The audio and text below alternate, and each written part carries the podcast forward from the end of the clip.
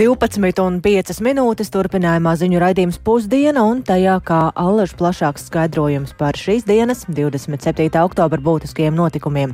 Studijā Dāca Pēkšēna, esiet sveicināti! Aptuveni ceturtā daļa Latvijas iedzīvotāji neusticas valsts varai. Tā liecina ekonomiskās sadarbības un attīstības organizācijas dati, un tas ir krietni zemāks rādītājs nekā vidēji šīs organizācijas dalība valstīs. Kā šo mainīt un uzticību veicināt, par to šodien diskutē saimā kopā sanākot gan deputātiem, gan arī pētniekiem un ekspertiem. Tam līdzi seko kolēģi Paula Devica, ar kuru šobrīd esam sazinājušies tiešraidēs. Sveika, Paula! Noteikti runāts par to, kāda kādēļ tā mūsu uzticība ir tik zema un kādi tam cēloņi? Ko tu vari teikt par to? Sveika, Dāca! Labdien, arī Latvijas radio klausītāji! Jā, es no sākuma mazliet vēl vairāk par šiem datiem. Tātad tas ir OECD veikts uzticēšanās pētījums kurš rāda, ka vidēji dalību valstīs valdībai uzticas apmēram 41% iedzīvotāji un neusticas apmēram tikpat. Savukārt Latvijā, kā tu jau minēji, tā ir tikai ceturdaļa, kas ir salīdzinoši zems rādītājs. Un tāpēc šī gada augustā valsts kancelēja sadarbībā ar biedrību Latvijas lauku fórums uzsāka sarunu ciklu, kurā ar iedzīvotājiem diskutē par uzticēšanos. Izmantojot Somijā plaši praktizētu tādu dialogu apļu metodi, kur ar iedzīvotājiem sarunājas un visi ir tādā vienlīdzīgā pozīcijā. Un, uh, diskusijas ar iedzīvotājiem notika 20 apdzīvotās vietās un piedalījās vairāk nekā 200 cilvēku. Tur ap, apkopoja iedzīvotāju viedokļus un sajūtas par uh, to, kāpēc viņi uzticas vai neusticas kādai, kādiem varas uh, līmeņiem. Un, diemžēl tādas lielākās problēmas ir tieši nacionāla līmeņa varai, tas ir politiķiem un arī valsts iestādēm. Un kāpēc to skaidros Latvijas lauku fóruma pētniece Kristīne Rolle. Iestāžu nepieejamība ir viens no šiem jautājumiem, un, un viens ir fiziskā, kā jūs redzat, un fiziskā īpaši sāsinājās pēc Covid, kad valsts iestādes aizslēdzās un tā īsti jau arī neatveras vairs. Ja? Un, un arī informatīvā, jā, un informatīvā parādās vairākos aspektos. Viens ir kaut kas līdzīgs, ko jau es minēju pie pašvaldībām, ka cilvēki īsti nesaprot, kā tad piekļūt tām valsts institūcijām. Kurš tad ir tas īstais cilvēks, kuram uzzvanīt vai uzrakstīt, vai kura tad tā iestāde, kurai vajadzētu, ar kuru vajadzētu sakontaktēties, lai atrisinātu to savu jautājumu. Bet otra lieta arī ir par informācijas tādu nesaskaņotību starp valsts iestādēm. Jā, tad. Uh tad uh, iestāžu pieejamība un šī sadarbība starp ietā, iestādēm, ja tā nav uh, tad veiksmīgi, tad uh, rada iedzīvotājos tādas šaubas, un, kas rezultējās šajā neusticībā. Vēl viens izaicinājums ir arī birokrātiskais sloks, un, uh, diemžēl, šāda neusticība valsts iestādēm nāk ar smagām sekām. Tas uh, ne tikai rada ēnu, ēnu, ēnu ekonomiku, bet arī veicina emigrāciju un var radīt, protams, arī valsts drošības apdraudējums. Tāpēc iedzīvotāji sagaida tādu vienkāršu, atvērtu un saprotamu komunikāciju. Dace? Paula saka, valsts varētu tātad neusticamies, bet kam uzticamies? Jā, mēs sākumā paklausīsimies, kas par šo sakāms valsts kancelēs vadītājiem Jānim Citskovskim. Skatoties uz šī brīža ģeopolitisko situāciju, uzticēšanās ir, manuprāt, bieži vien daudz svarīgāk par to, cik daudz mums ir tanku, ieroču vai lielgabalu. Mūsu iedzīvotāji augstu novērtē un ir apmierināti ar tiem pakalpojumiem, un šeit es runāju par digitālajiem pakalpojumiem Latvijas valstī kopumā pakalpojumiem. Jā, ir divas jomas, pie kurām mums ir jāstrādā, tā ir veselības aprūpa un izglītība, kur šī apmierinātība ir zemāka. Bet šie divi jautājumi ir valdības un arī parlamenta prioritāšu sarakstā, un es ticu, ka mēs kopā spēsim to atrisināt. Jā, un patiesībā digitālai komunikācijai ir ļoti liela nozīme, jo, kā mēs zinām, daudzas iestādes šobrīd komunicē digitāli, tāpat iedzīvotājiem ar tām vēlams sazi sazināties tieši šādā veidā. Un tad, ja cilvēks šo prot un, un viņam iestādes darbs ir pieejamāks un saprotamāks, bet ja neprot, tad rodas šī neusticība, un bieži vien tā ir ne tikai tāda uh, digitālo prasmju trūkuma vaina, bet tā ir arī vaina tajā, ka šie digitālie risinājumi nav pietiekami saprotami. Un, uh, jā, runājot vēl par šo te tā teikt, augstāku uzticēšanās līmeni, tas ir pašvaldībām, jo tās ir vistuvāk iedzīvotājiem, tās risina tādas ikdienišķas problēmas kurus un šos risinājumus var nereti arī tā salīdzinoši ātrā laikā saskatīt un pat bieži vien sataustīt. Piemēram, kad uh, pašvaldība salabo, es nezinu, iedzīvotājiem mīļu ielu pilsētas centrā, un to var redzēt jau uzreiz. Turklāt apdzīvotās vietas Latvijā ir salīdzinoši nelielas, un nereti iedzīvotāji šos politiķus jau ļoti labi pazīst arī pirms viņi ir ievēlēti pašvaldībā. Savukārt pretēji ir jā, ar nacionāla līmeņa politiķiem, tiem uz, uzticība ir krietni zemāka, jo tieši pretēji iedzīvotāji bieži min, ka šos politiķus nepazīst. Nereti arī lēmumi ir nesaprotami, nepietiekami izskaidroti vai arī neprognozējumi. Tā kā kopumā no šīm cilvēku atbildēm var secināt, ka ļaudīm visbūtiskākā ir šī komunikācija, godīgums, pieejamība visos varas līmeņos. Un par to, kā to veicināt, šodien sanākušie vēl konferencē spriedīs, un par to noteikti arī ziņosim jau nākamajos ziņu raidījumos. Dace. Paldies Paulai Devicai. Tas tātad par diskusijām, kurās spriež, kā veicināt iedzīvotāju uzticību valsts varai. Bet turpinot par citiem notikumiem, Eiropas valstu līderi mudina pār pātrināt humanās palīdzības piegādi Gāzes iedzīvotājiem. Viņi rosina izveidot humānos koridorus un pauzes, lai palīdzība varētu nonākt pie cilvēkiem, un tas ir viens no galvenajiem secinājumiem pēc diskusijām samitā Briselē. Tāpat arī 27 Eiropas Savienības valstu vadošie politiķi runāja arī par bloka daudzgadu budžeta pārskatīšanu. Un Sanāksmes norisei turpina sekot līdzi mūsu Brīseles korespondents Arķoms Konohovs, ar kuru pat labāk esam sazinājušies tiešraidē. Sveiks, Arčom, un eh, saki, kādēļ Eiropas līderi uzstāja tieši uz humānām pauzēm? Jā, labdien, Dārts, labdien, klausītāji! Par to bija pietiekami garas diskusijas, tiešām tās ilga vairākas stundas, un eh, šajā konfliktā ne tikai tas, kas notiek eh, tiešām Gazā un Izrēlā ir būtiski, bet arī, kā jau daudzos arī līdzīgos konfliktos, vārdi, kas par to tiek pateikti, arī ir ļoti būtiski. Un te bija visnotaļ garas un plašas diskusijas par to, vai būtu jārunā par uguns pārtraukšanu, vai par pauzi, vai par vairākām pauzēm. Un beig beigās tad, tad ir panākta vienošanās, ka tomēr tiek runāts par daudzām pauzēm, un tas ar šo līderi mēģina pateikt, jā, ka pārtraukumiem kara darbībā un uzbrukumiem uzbrukumos ir jābūt, un eh, humanitāriem koridoriem ir jābūt, un ir jāmēģina, eh, un jābūt ceļiem, kā palīdzībai nokļūt pie iedzīvotājiem Gazā, bet te pašā laikā netiek apšau, apšaubīts tas, ka Izraēlai ir tiesības aizstāvēties, un Hamas uzbrukumi tiek nosūdīti, un arī uh, Izraēla, protams, tiek mudināta ievērot gan starptautiskos uh, humanitāros noteikumus, gan arī citus uh, starptautiskos likumus, uh, veicot šo pašaizsardzību. Un lūk, kā Eiropas komisijas priekšsēdētāja Urzula Fonderleina ko raksturoja vakardienas diskusiju. Paklausīsimies! Izraela ir demokrātija, kam uzbruka teroristiskā organizācija Hamas. Izraēlē ir tiesības uz pašaizsardzību saskaņā ar starptautiskiem likumiem un starptautiskiem humanitāriem noteikumiem. Līderi uzstājīgi aicina, lai Hamas nekavējoties atbrīvo visus ķīlniekus bez jebkādiem priekšnosacījumiem. Ir skaidrs, ka Hamas ar savām teroristiskajām darbībām kaitē arī palestīniešiem. Hamas ir izraisījis humāno krīzi Gazā. Tātad tas būtībā arī parāda šo līdzsvaru, ko līderi ir mēģinājuši rast starp vajadzību nosūdīt Hamas rīcību un arī parādīt, ka ir nepieciešams aizsardz, aizstāvēt iedzīvotājus šajā Gazas joslā.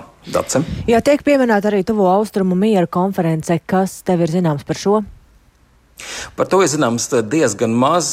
Kulāros parādās informācija, ka tā ir Spānijas iniciatīva. Līdzīga konference tika rīkota jau pirms vairākām desmit gadiem tur, un ka Spāņi vēlētos spēlēt šo lomu atkal un mēģināt kaut kādā veidā savest tomēr šīs konfliktējošās puses pie viena galda un rast jau tādu ilgtermiņa risinājumu šim konfliktam. Bet kad tas varētu notikt un kā tas varētu notikt, par to vēl pašlaik ir pāragri spriest.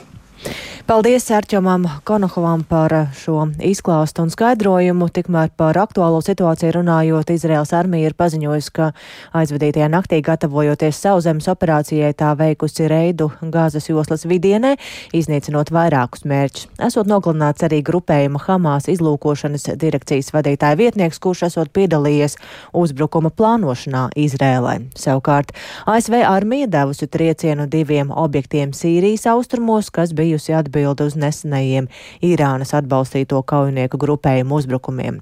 Tāda lūk saspringta situācija šobrīd tuvo austrumu reģionā, taču kā tas viss ietekmē Ēģipti, kas atrodas šī sarežģītā reģiona centrā?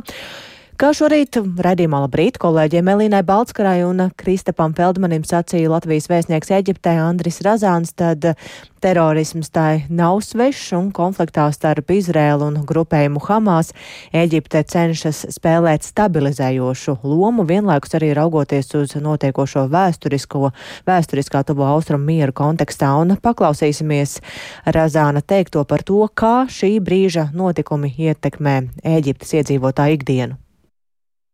Eģiptes ikdienā pēc būtības nekas šeit nav mainījies. Cilvēki dodas uz darbu, atpūšās tāpat kā iepriekš, un skolnieki arī dodas uz skolu. Te pašā laikā var just, ka sabiedrībā ir pieaugusi spriedze un līdz ar konfliktu tālāku attīstību un uh, iespējamu padziļināšanos cilvēki, protams, ir satraukti par to, kas tālāk notiks gazas sektorā.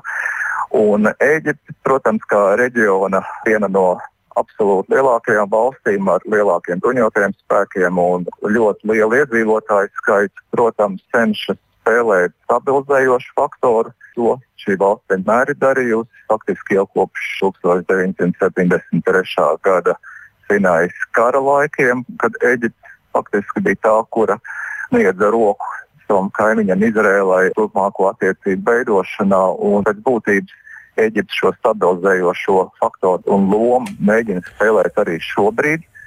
Bet pašā laikā Eģiptes viedoklis par situāciju atšķiras tajā ziņā, ka Eģipte šo konkrēto gazas situācijas sācinājumu 7. oktobrī ieliek ļoti konkrētā vēstures kontekstā. Un, un līdz ar to šādā veidā arī tiek skaidrots Gazā notiekošais. Bet uh, Eģiptei starptautiskais terorisms vai arī vietējais terorisms nav svešs problēma. Un uh, Eģipte pati no šīs problēmas ir cietusi līdz ar to, kas attiecās uz interesi nodrošināt stabilitāti un drošību gan valstī, gan reģionā, Eģiptei ir pilnīgi skaidrs, ka miers ir nepieciešams gan Eģiptes nacionālajai drošībai, gan arī dažādiem ekonomikas izaugsmes uh mhm. -huh. plāniem, ko šeit ir ļoti bet, daudz. Bet kas notiek tieši šobrīd uz robežas? Palīdzības konvoji tur pa kādam tiek iekšā, bet kas ir ar gazas iedzīvotājiem? Ja tā plūsma nav atļauta tā pilnībā, vai tur mēģina šķērsot robežu nelegāli? Tas, ko saka Eģiptes valdība, protams, ka gaza nav Eģiptes teritorija. Tas ir pirmkārt, tā ir kaimiņu valsts teritorija. Otrkārt, Eģiptes valdība nepārtraukti uzsver, ka no Ēģiptes puses Rafas šis robežu čērsošanas punkts ir atvērts visu laiku, lai gan uh, viņi arī uzsver to, ka viņi nekontrolē to, kas notiek otrā pusē, robežu punktam. Pozitīvā attīstība, kas ir bijusi pēdējās dienās, protams, ir šīs humanās kravas, kuras beidzot ir sākušas nonākt gazas sektorā. Iespējams, ka šo kravu skaitam būtu jābūt lielākam. Es saprotu, ka skaits ne, ne tuvu nav tas, kas katru dienu nonāca gāzes sektorā pirms krīzes sāsināšanās 7. oktobrī, bet fakts ir fakts. Un, protams, Eģiptes nacionālās drošības interesēs nav atvērt šo robežu vaļā, lai Eģipte vēlreiz saskartos ar lielu skaitu bēgļu mm -hmm. plūsmu, kā tas bija faktiski 2008. gadā, kad Eģipte vienreiz jau piedzīvoja lielu palestīniešu bēgļu ieplūšanu Sinais uh, pussalā, un tas radīja gan drošības problēmas, gan ekonomiskas problēmas. Un šajā ziņā Eģiptes valdības nostāja ir ļoti nu, cieta. Nebūs 2008. gada situācijas nu, atkārtošanās, jo to viņi, viņi to saskata tādā veidā, ka tas neatrisina terorismu problēmu, jo tas tikai šo terorismu problēmu var paplašināt, un no tā Eģipte grib izvairīties. Nu, jā. Tik tālu Latvijas vēstnieka Eģiptē Andra Razāna teiktais, bet eh, programmas turpinājumā pievēršoties pavisam citam reģionam. Amerikas Savienoto valstu mēneša štatā otro dienu turpinās vērienīga policijas operācija, kurā likumsargi cenšas atrast un notvert vīrieti, kuru tur aizdomās par trešdienas vakarā Luistonas pilsētā sarīkotām apšaudēm. Tajās nogalināti 18 cilvēki un vēl 13 ievainoti. Tikmēr Listonas un vēl divu pilsētu iedzīvotājiem ir jāpaliek mājās, un cilvēkiem bāžas par savu drošību ir pieaugušas. Plašāk par to stāsta Rihards Plūme. Pirmos zvanus par apšaudi Luistonā, kas ir Meinas štata otrā lielākā pilsēta un atrodas aptuveni uz ziemeļiem no Portlandas, ārkārtas dienesti saņēma trešdien, brīdi pirms septiņiem vakarā pēc vietējā laika. 40 gadus vecais Roberts Kārds bija sarīkojis divas apšaudes. Sākumā vietējā bowlinga zālē, bet desmit minūtes vēlāk kādā restorānā. Šobrīd policija apstiprinājusi, ka nogalināti 18 cilvēki, bet ievainoti vēl 13. Policija uzsāka iespējamā aizdomās turamā meklēšanu. Plašās operācijas laikā daudz viet ielās izvietoti likumsargi. Federālais izmeklēšanas birojas un citas federālās ASV tiesība aizsardzības iestādes palīdz vietējai un štāta policijai vīrieša notveršanā. Arī blakus esošie štati nodrošina resursus un saglabā modrību, jo vīrietis varētu būt devies aiz Meinas štata robežām. Brīdināti arī Kanādas robežsargi. Meklēšanu apgrūtina fakts, ka liela daļa pasākumu notiek mežainā apvidū, un kārts ir pilsētas iedzīvotājs un zina apkārtni. Ceturtdien likumsargi vairākās ēkās veica kratīšanu un atrada arī Roberta Kārda automašīnu. Policija aicinājusi iedzīvotājus divās štata pilsētās nedoties ārā no mājas un ziņot par aizdomīgiem novērojumiem varas iestādēm. Skolas, kā arī lielākā daļa vietējo uzņēmumu ir slēgti, un lielākā daļa iestāžu būs slēgta arī šodien. Savās pārdomās par notiekošo dalījās kāda vietējā iedzīvotāja Eiprile Stīvense. Traki. Nekad nedomāju, ka tas notiks Meinā. Meina ir ļoti mazs štats, pilsētas ir mazas un tās ir ļoti ģimeniskas. Es nekavējoties paņēmu tālruni, lai nosūtītu izziņas cilvēkiem, kas tur bieži apmeklē restorānu, lai noskaidrotu, vai viņiem viss ir kārtībā. Ketijai, kas ir īpašniece, viss bija labi. Sūtīju ziņu Džo, viņš ir labs draugs, viņš neatbildēja. Viņš bija restorāna ģenerālmenedžeris, un mēs šorīt uzzinājām, ka viņš ir nogalināts. Pirms uzbrukuma grasījos sazināties ar savu draudzeni, lai noskaidrotu, vai nevēlas tikties vakariņās. Mēs ar vīru tomēr nolēmām palikt, viņš bija noguris. Tā mums ir svētība. Mēs būtu devušies uz turieni vakariņās. Tiesība aizsardzības amatpersonas norāda, ka Kārts ir certificēts šaujamieroču instruktors un darbojas kā speciālists ASV armijas rezervistos. Mēneša štata policija paziņoja, ka aizdomās turamais nesen bija ziņojis par garīgās veselības problēmām, tostarp dzirdējis balsis galvā un vēlējies nodarīt pāri saviem kolēģiem. Vasarā viņš tika ievietots garīgās veselības ārstniecības iestādē pēc kāda incidenta ASV militārās akadēmijas apmācību laikā. Apšaude mēneša štatā, kurā ir zemākais slepkavību līmenis no visiem ASV štatiem, ir asiņainākā masu apšaude kopš Uvaldes skolas slaktiņa. Saskaņā ar ieroču vardarbības arhīvu šogad visā valstī ir reģistrēti 565 šādi incidenti, kuros nošauti četri vai vairāk cilvēki, neskaitot šāvēju. Katra masu apšaude no jaunā aktualizē jautājumu par šaujamieroču pieejamību Savienotajās valstīs. ASV prezidents Džo Baidens aicinājis republikāņu politiķus kongresā pieņemt likumu likumus par ieroču drošību.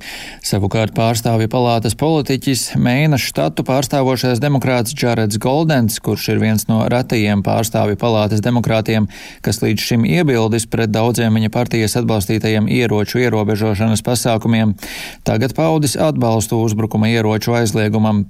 Luīstonā dzimušais kongresmenis pauda pārliecību, ka viņam ir pienācis laiks uzņemties atbildību par savu neveiksmīgo nostāju, tādēļ viņš aicinājis kongresu aizliegt triecienu šautenes. Rihards Plūme, Latvijas radio. Savukārt pašmājās pēc pēdējo nedēļu draudu vēstulēm izglītības iestādēm Daugopilī sāk apsvērt iespēja ieviest projektu Droša skola, ko varētu īstenot visā Latgalē. Praktiski tas nozīmētu skolas un bērnu dārzus aprīkot ar drošības sistēmām, ierobežot tajās iekļūšanu nepiedarošām personām un izvietot video novērošanas kameras. Daudzās iestādēs elektroniskās sistēmas jau ir, un tāpēc tās vienkārši būtu jāsalāgo ar pašvaldības policijas video novērošanas centriem. Vairāk par to Silvijas Smagars ierakstā. Šī gada 10. oktobris kļuva par pirmo trauksmes zvanu daudzām skolām Latvijā, saņemot terorisma draudu vēstules. Neviena izglītības iestāde, neraugoties uz policijas paziņojumu, ka tie ir zema riska draudi, uzsāka evakuāciju. Neskaidrības un bažas, kā rīkoties, joprojām pastāv. Vēstules turpina pienākt arī šonadēļ, kad skolās ir brīvlaiks, apliecina Dāngāpils izglītības pārvaldes vadītāja Marinija Supova. Arī šodien dažas skolas ir saņēmušas vēstules. Viņi lika mums paskatīties uz procesiem nedaudz eh, citādāk. Šo pēdējo nedēļu laikā pēc draudu vēstuļu saņemšanas pašvaldības policijas darbinieki Dāngāpils izglītības iestādēs jau bija kļuvuši par neatņemamu ikdienas sastāvdaļu, stāsta Dāngāpils pilsētas pašvaldības policijas priekšnieks Aleksandrs Linkēvičs. Praktiski gandrīz trīs nedēļas patstāvīgi atradamies skolās. Un ar savu klātbūtni, jā, cik varējām, arī mēģinājām palielināt to drošības gan situāciju, gan sajūtu, lai vecāki būtu mierīgāki. Nav tāda jēdziena kā zema līmeņa draudi, arī vismazākais apdraudējums skolā. Katram vecākam ir augsta līmeņa draudi. Šie procesi pašvaldība ievirzījuši uz domu par īpaša projekta īstenošanu izglītības iestādēs, stāsta bezpartijiskais Dāngāpos domas vadītājs Andrēs Elksniņš. Daugopils pašvaldība izrunājot ar kolēģiem gan izglītības pārvaldē, gan pašvaldības policijā, rosina sākt. Mēs to dēvētu par droša skola. Droša skola nozīmētu vairāku pasākumu ieviešanu pašvaldības izglītības iestādēs un vienotu operatīvās vadības centra izveidi. Katra skola obligātā kārtībā tiktu aprīkota ar drošības sistēmām, kurās ietilptu, ka nepiedarošā persona skolā nevar ieiet. Tas nozīmē identificēšanu skolas ieejā. Tas nozīmē, ka skolas varētu tikt aprīkot arī ar video novērošanas sistēmām. Daugopils pašvaldībā ļoti daudzas skolas ir jau aprīkotas ar elektroniskām sistēmām. Tas, kas mums būtu jāizdara, būtu jāsalāgo tās ar pašvaldības policiju, kā video novērošanas centru, veidojot vienotos operatīvās vadības centrus, kurā mēs aicinātu arī ar klātbūtni un darba pienākumiem piedalīties arī valsts policijas pārstāvjiem. Šāds projekts droša skola būtu jāizteno visā Latgales reģionā, apliecina Latgales plānošanas reģiona attīstības padomas priekšsēdētājs un Vāvu novada domas vadītājs Sergejs Maksimovs.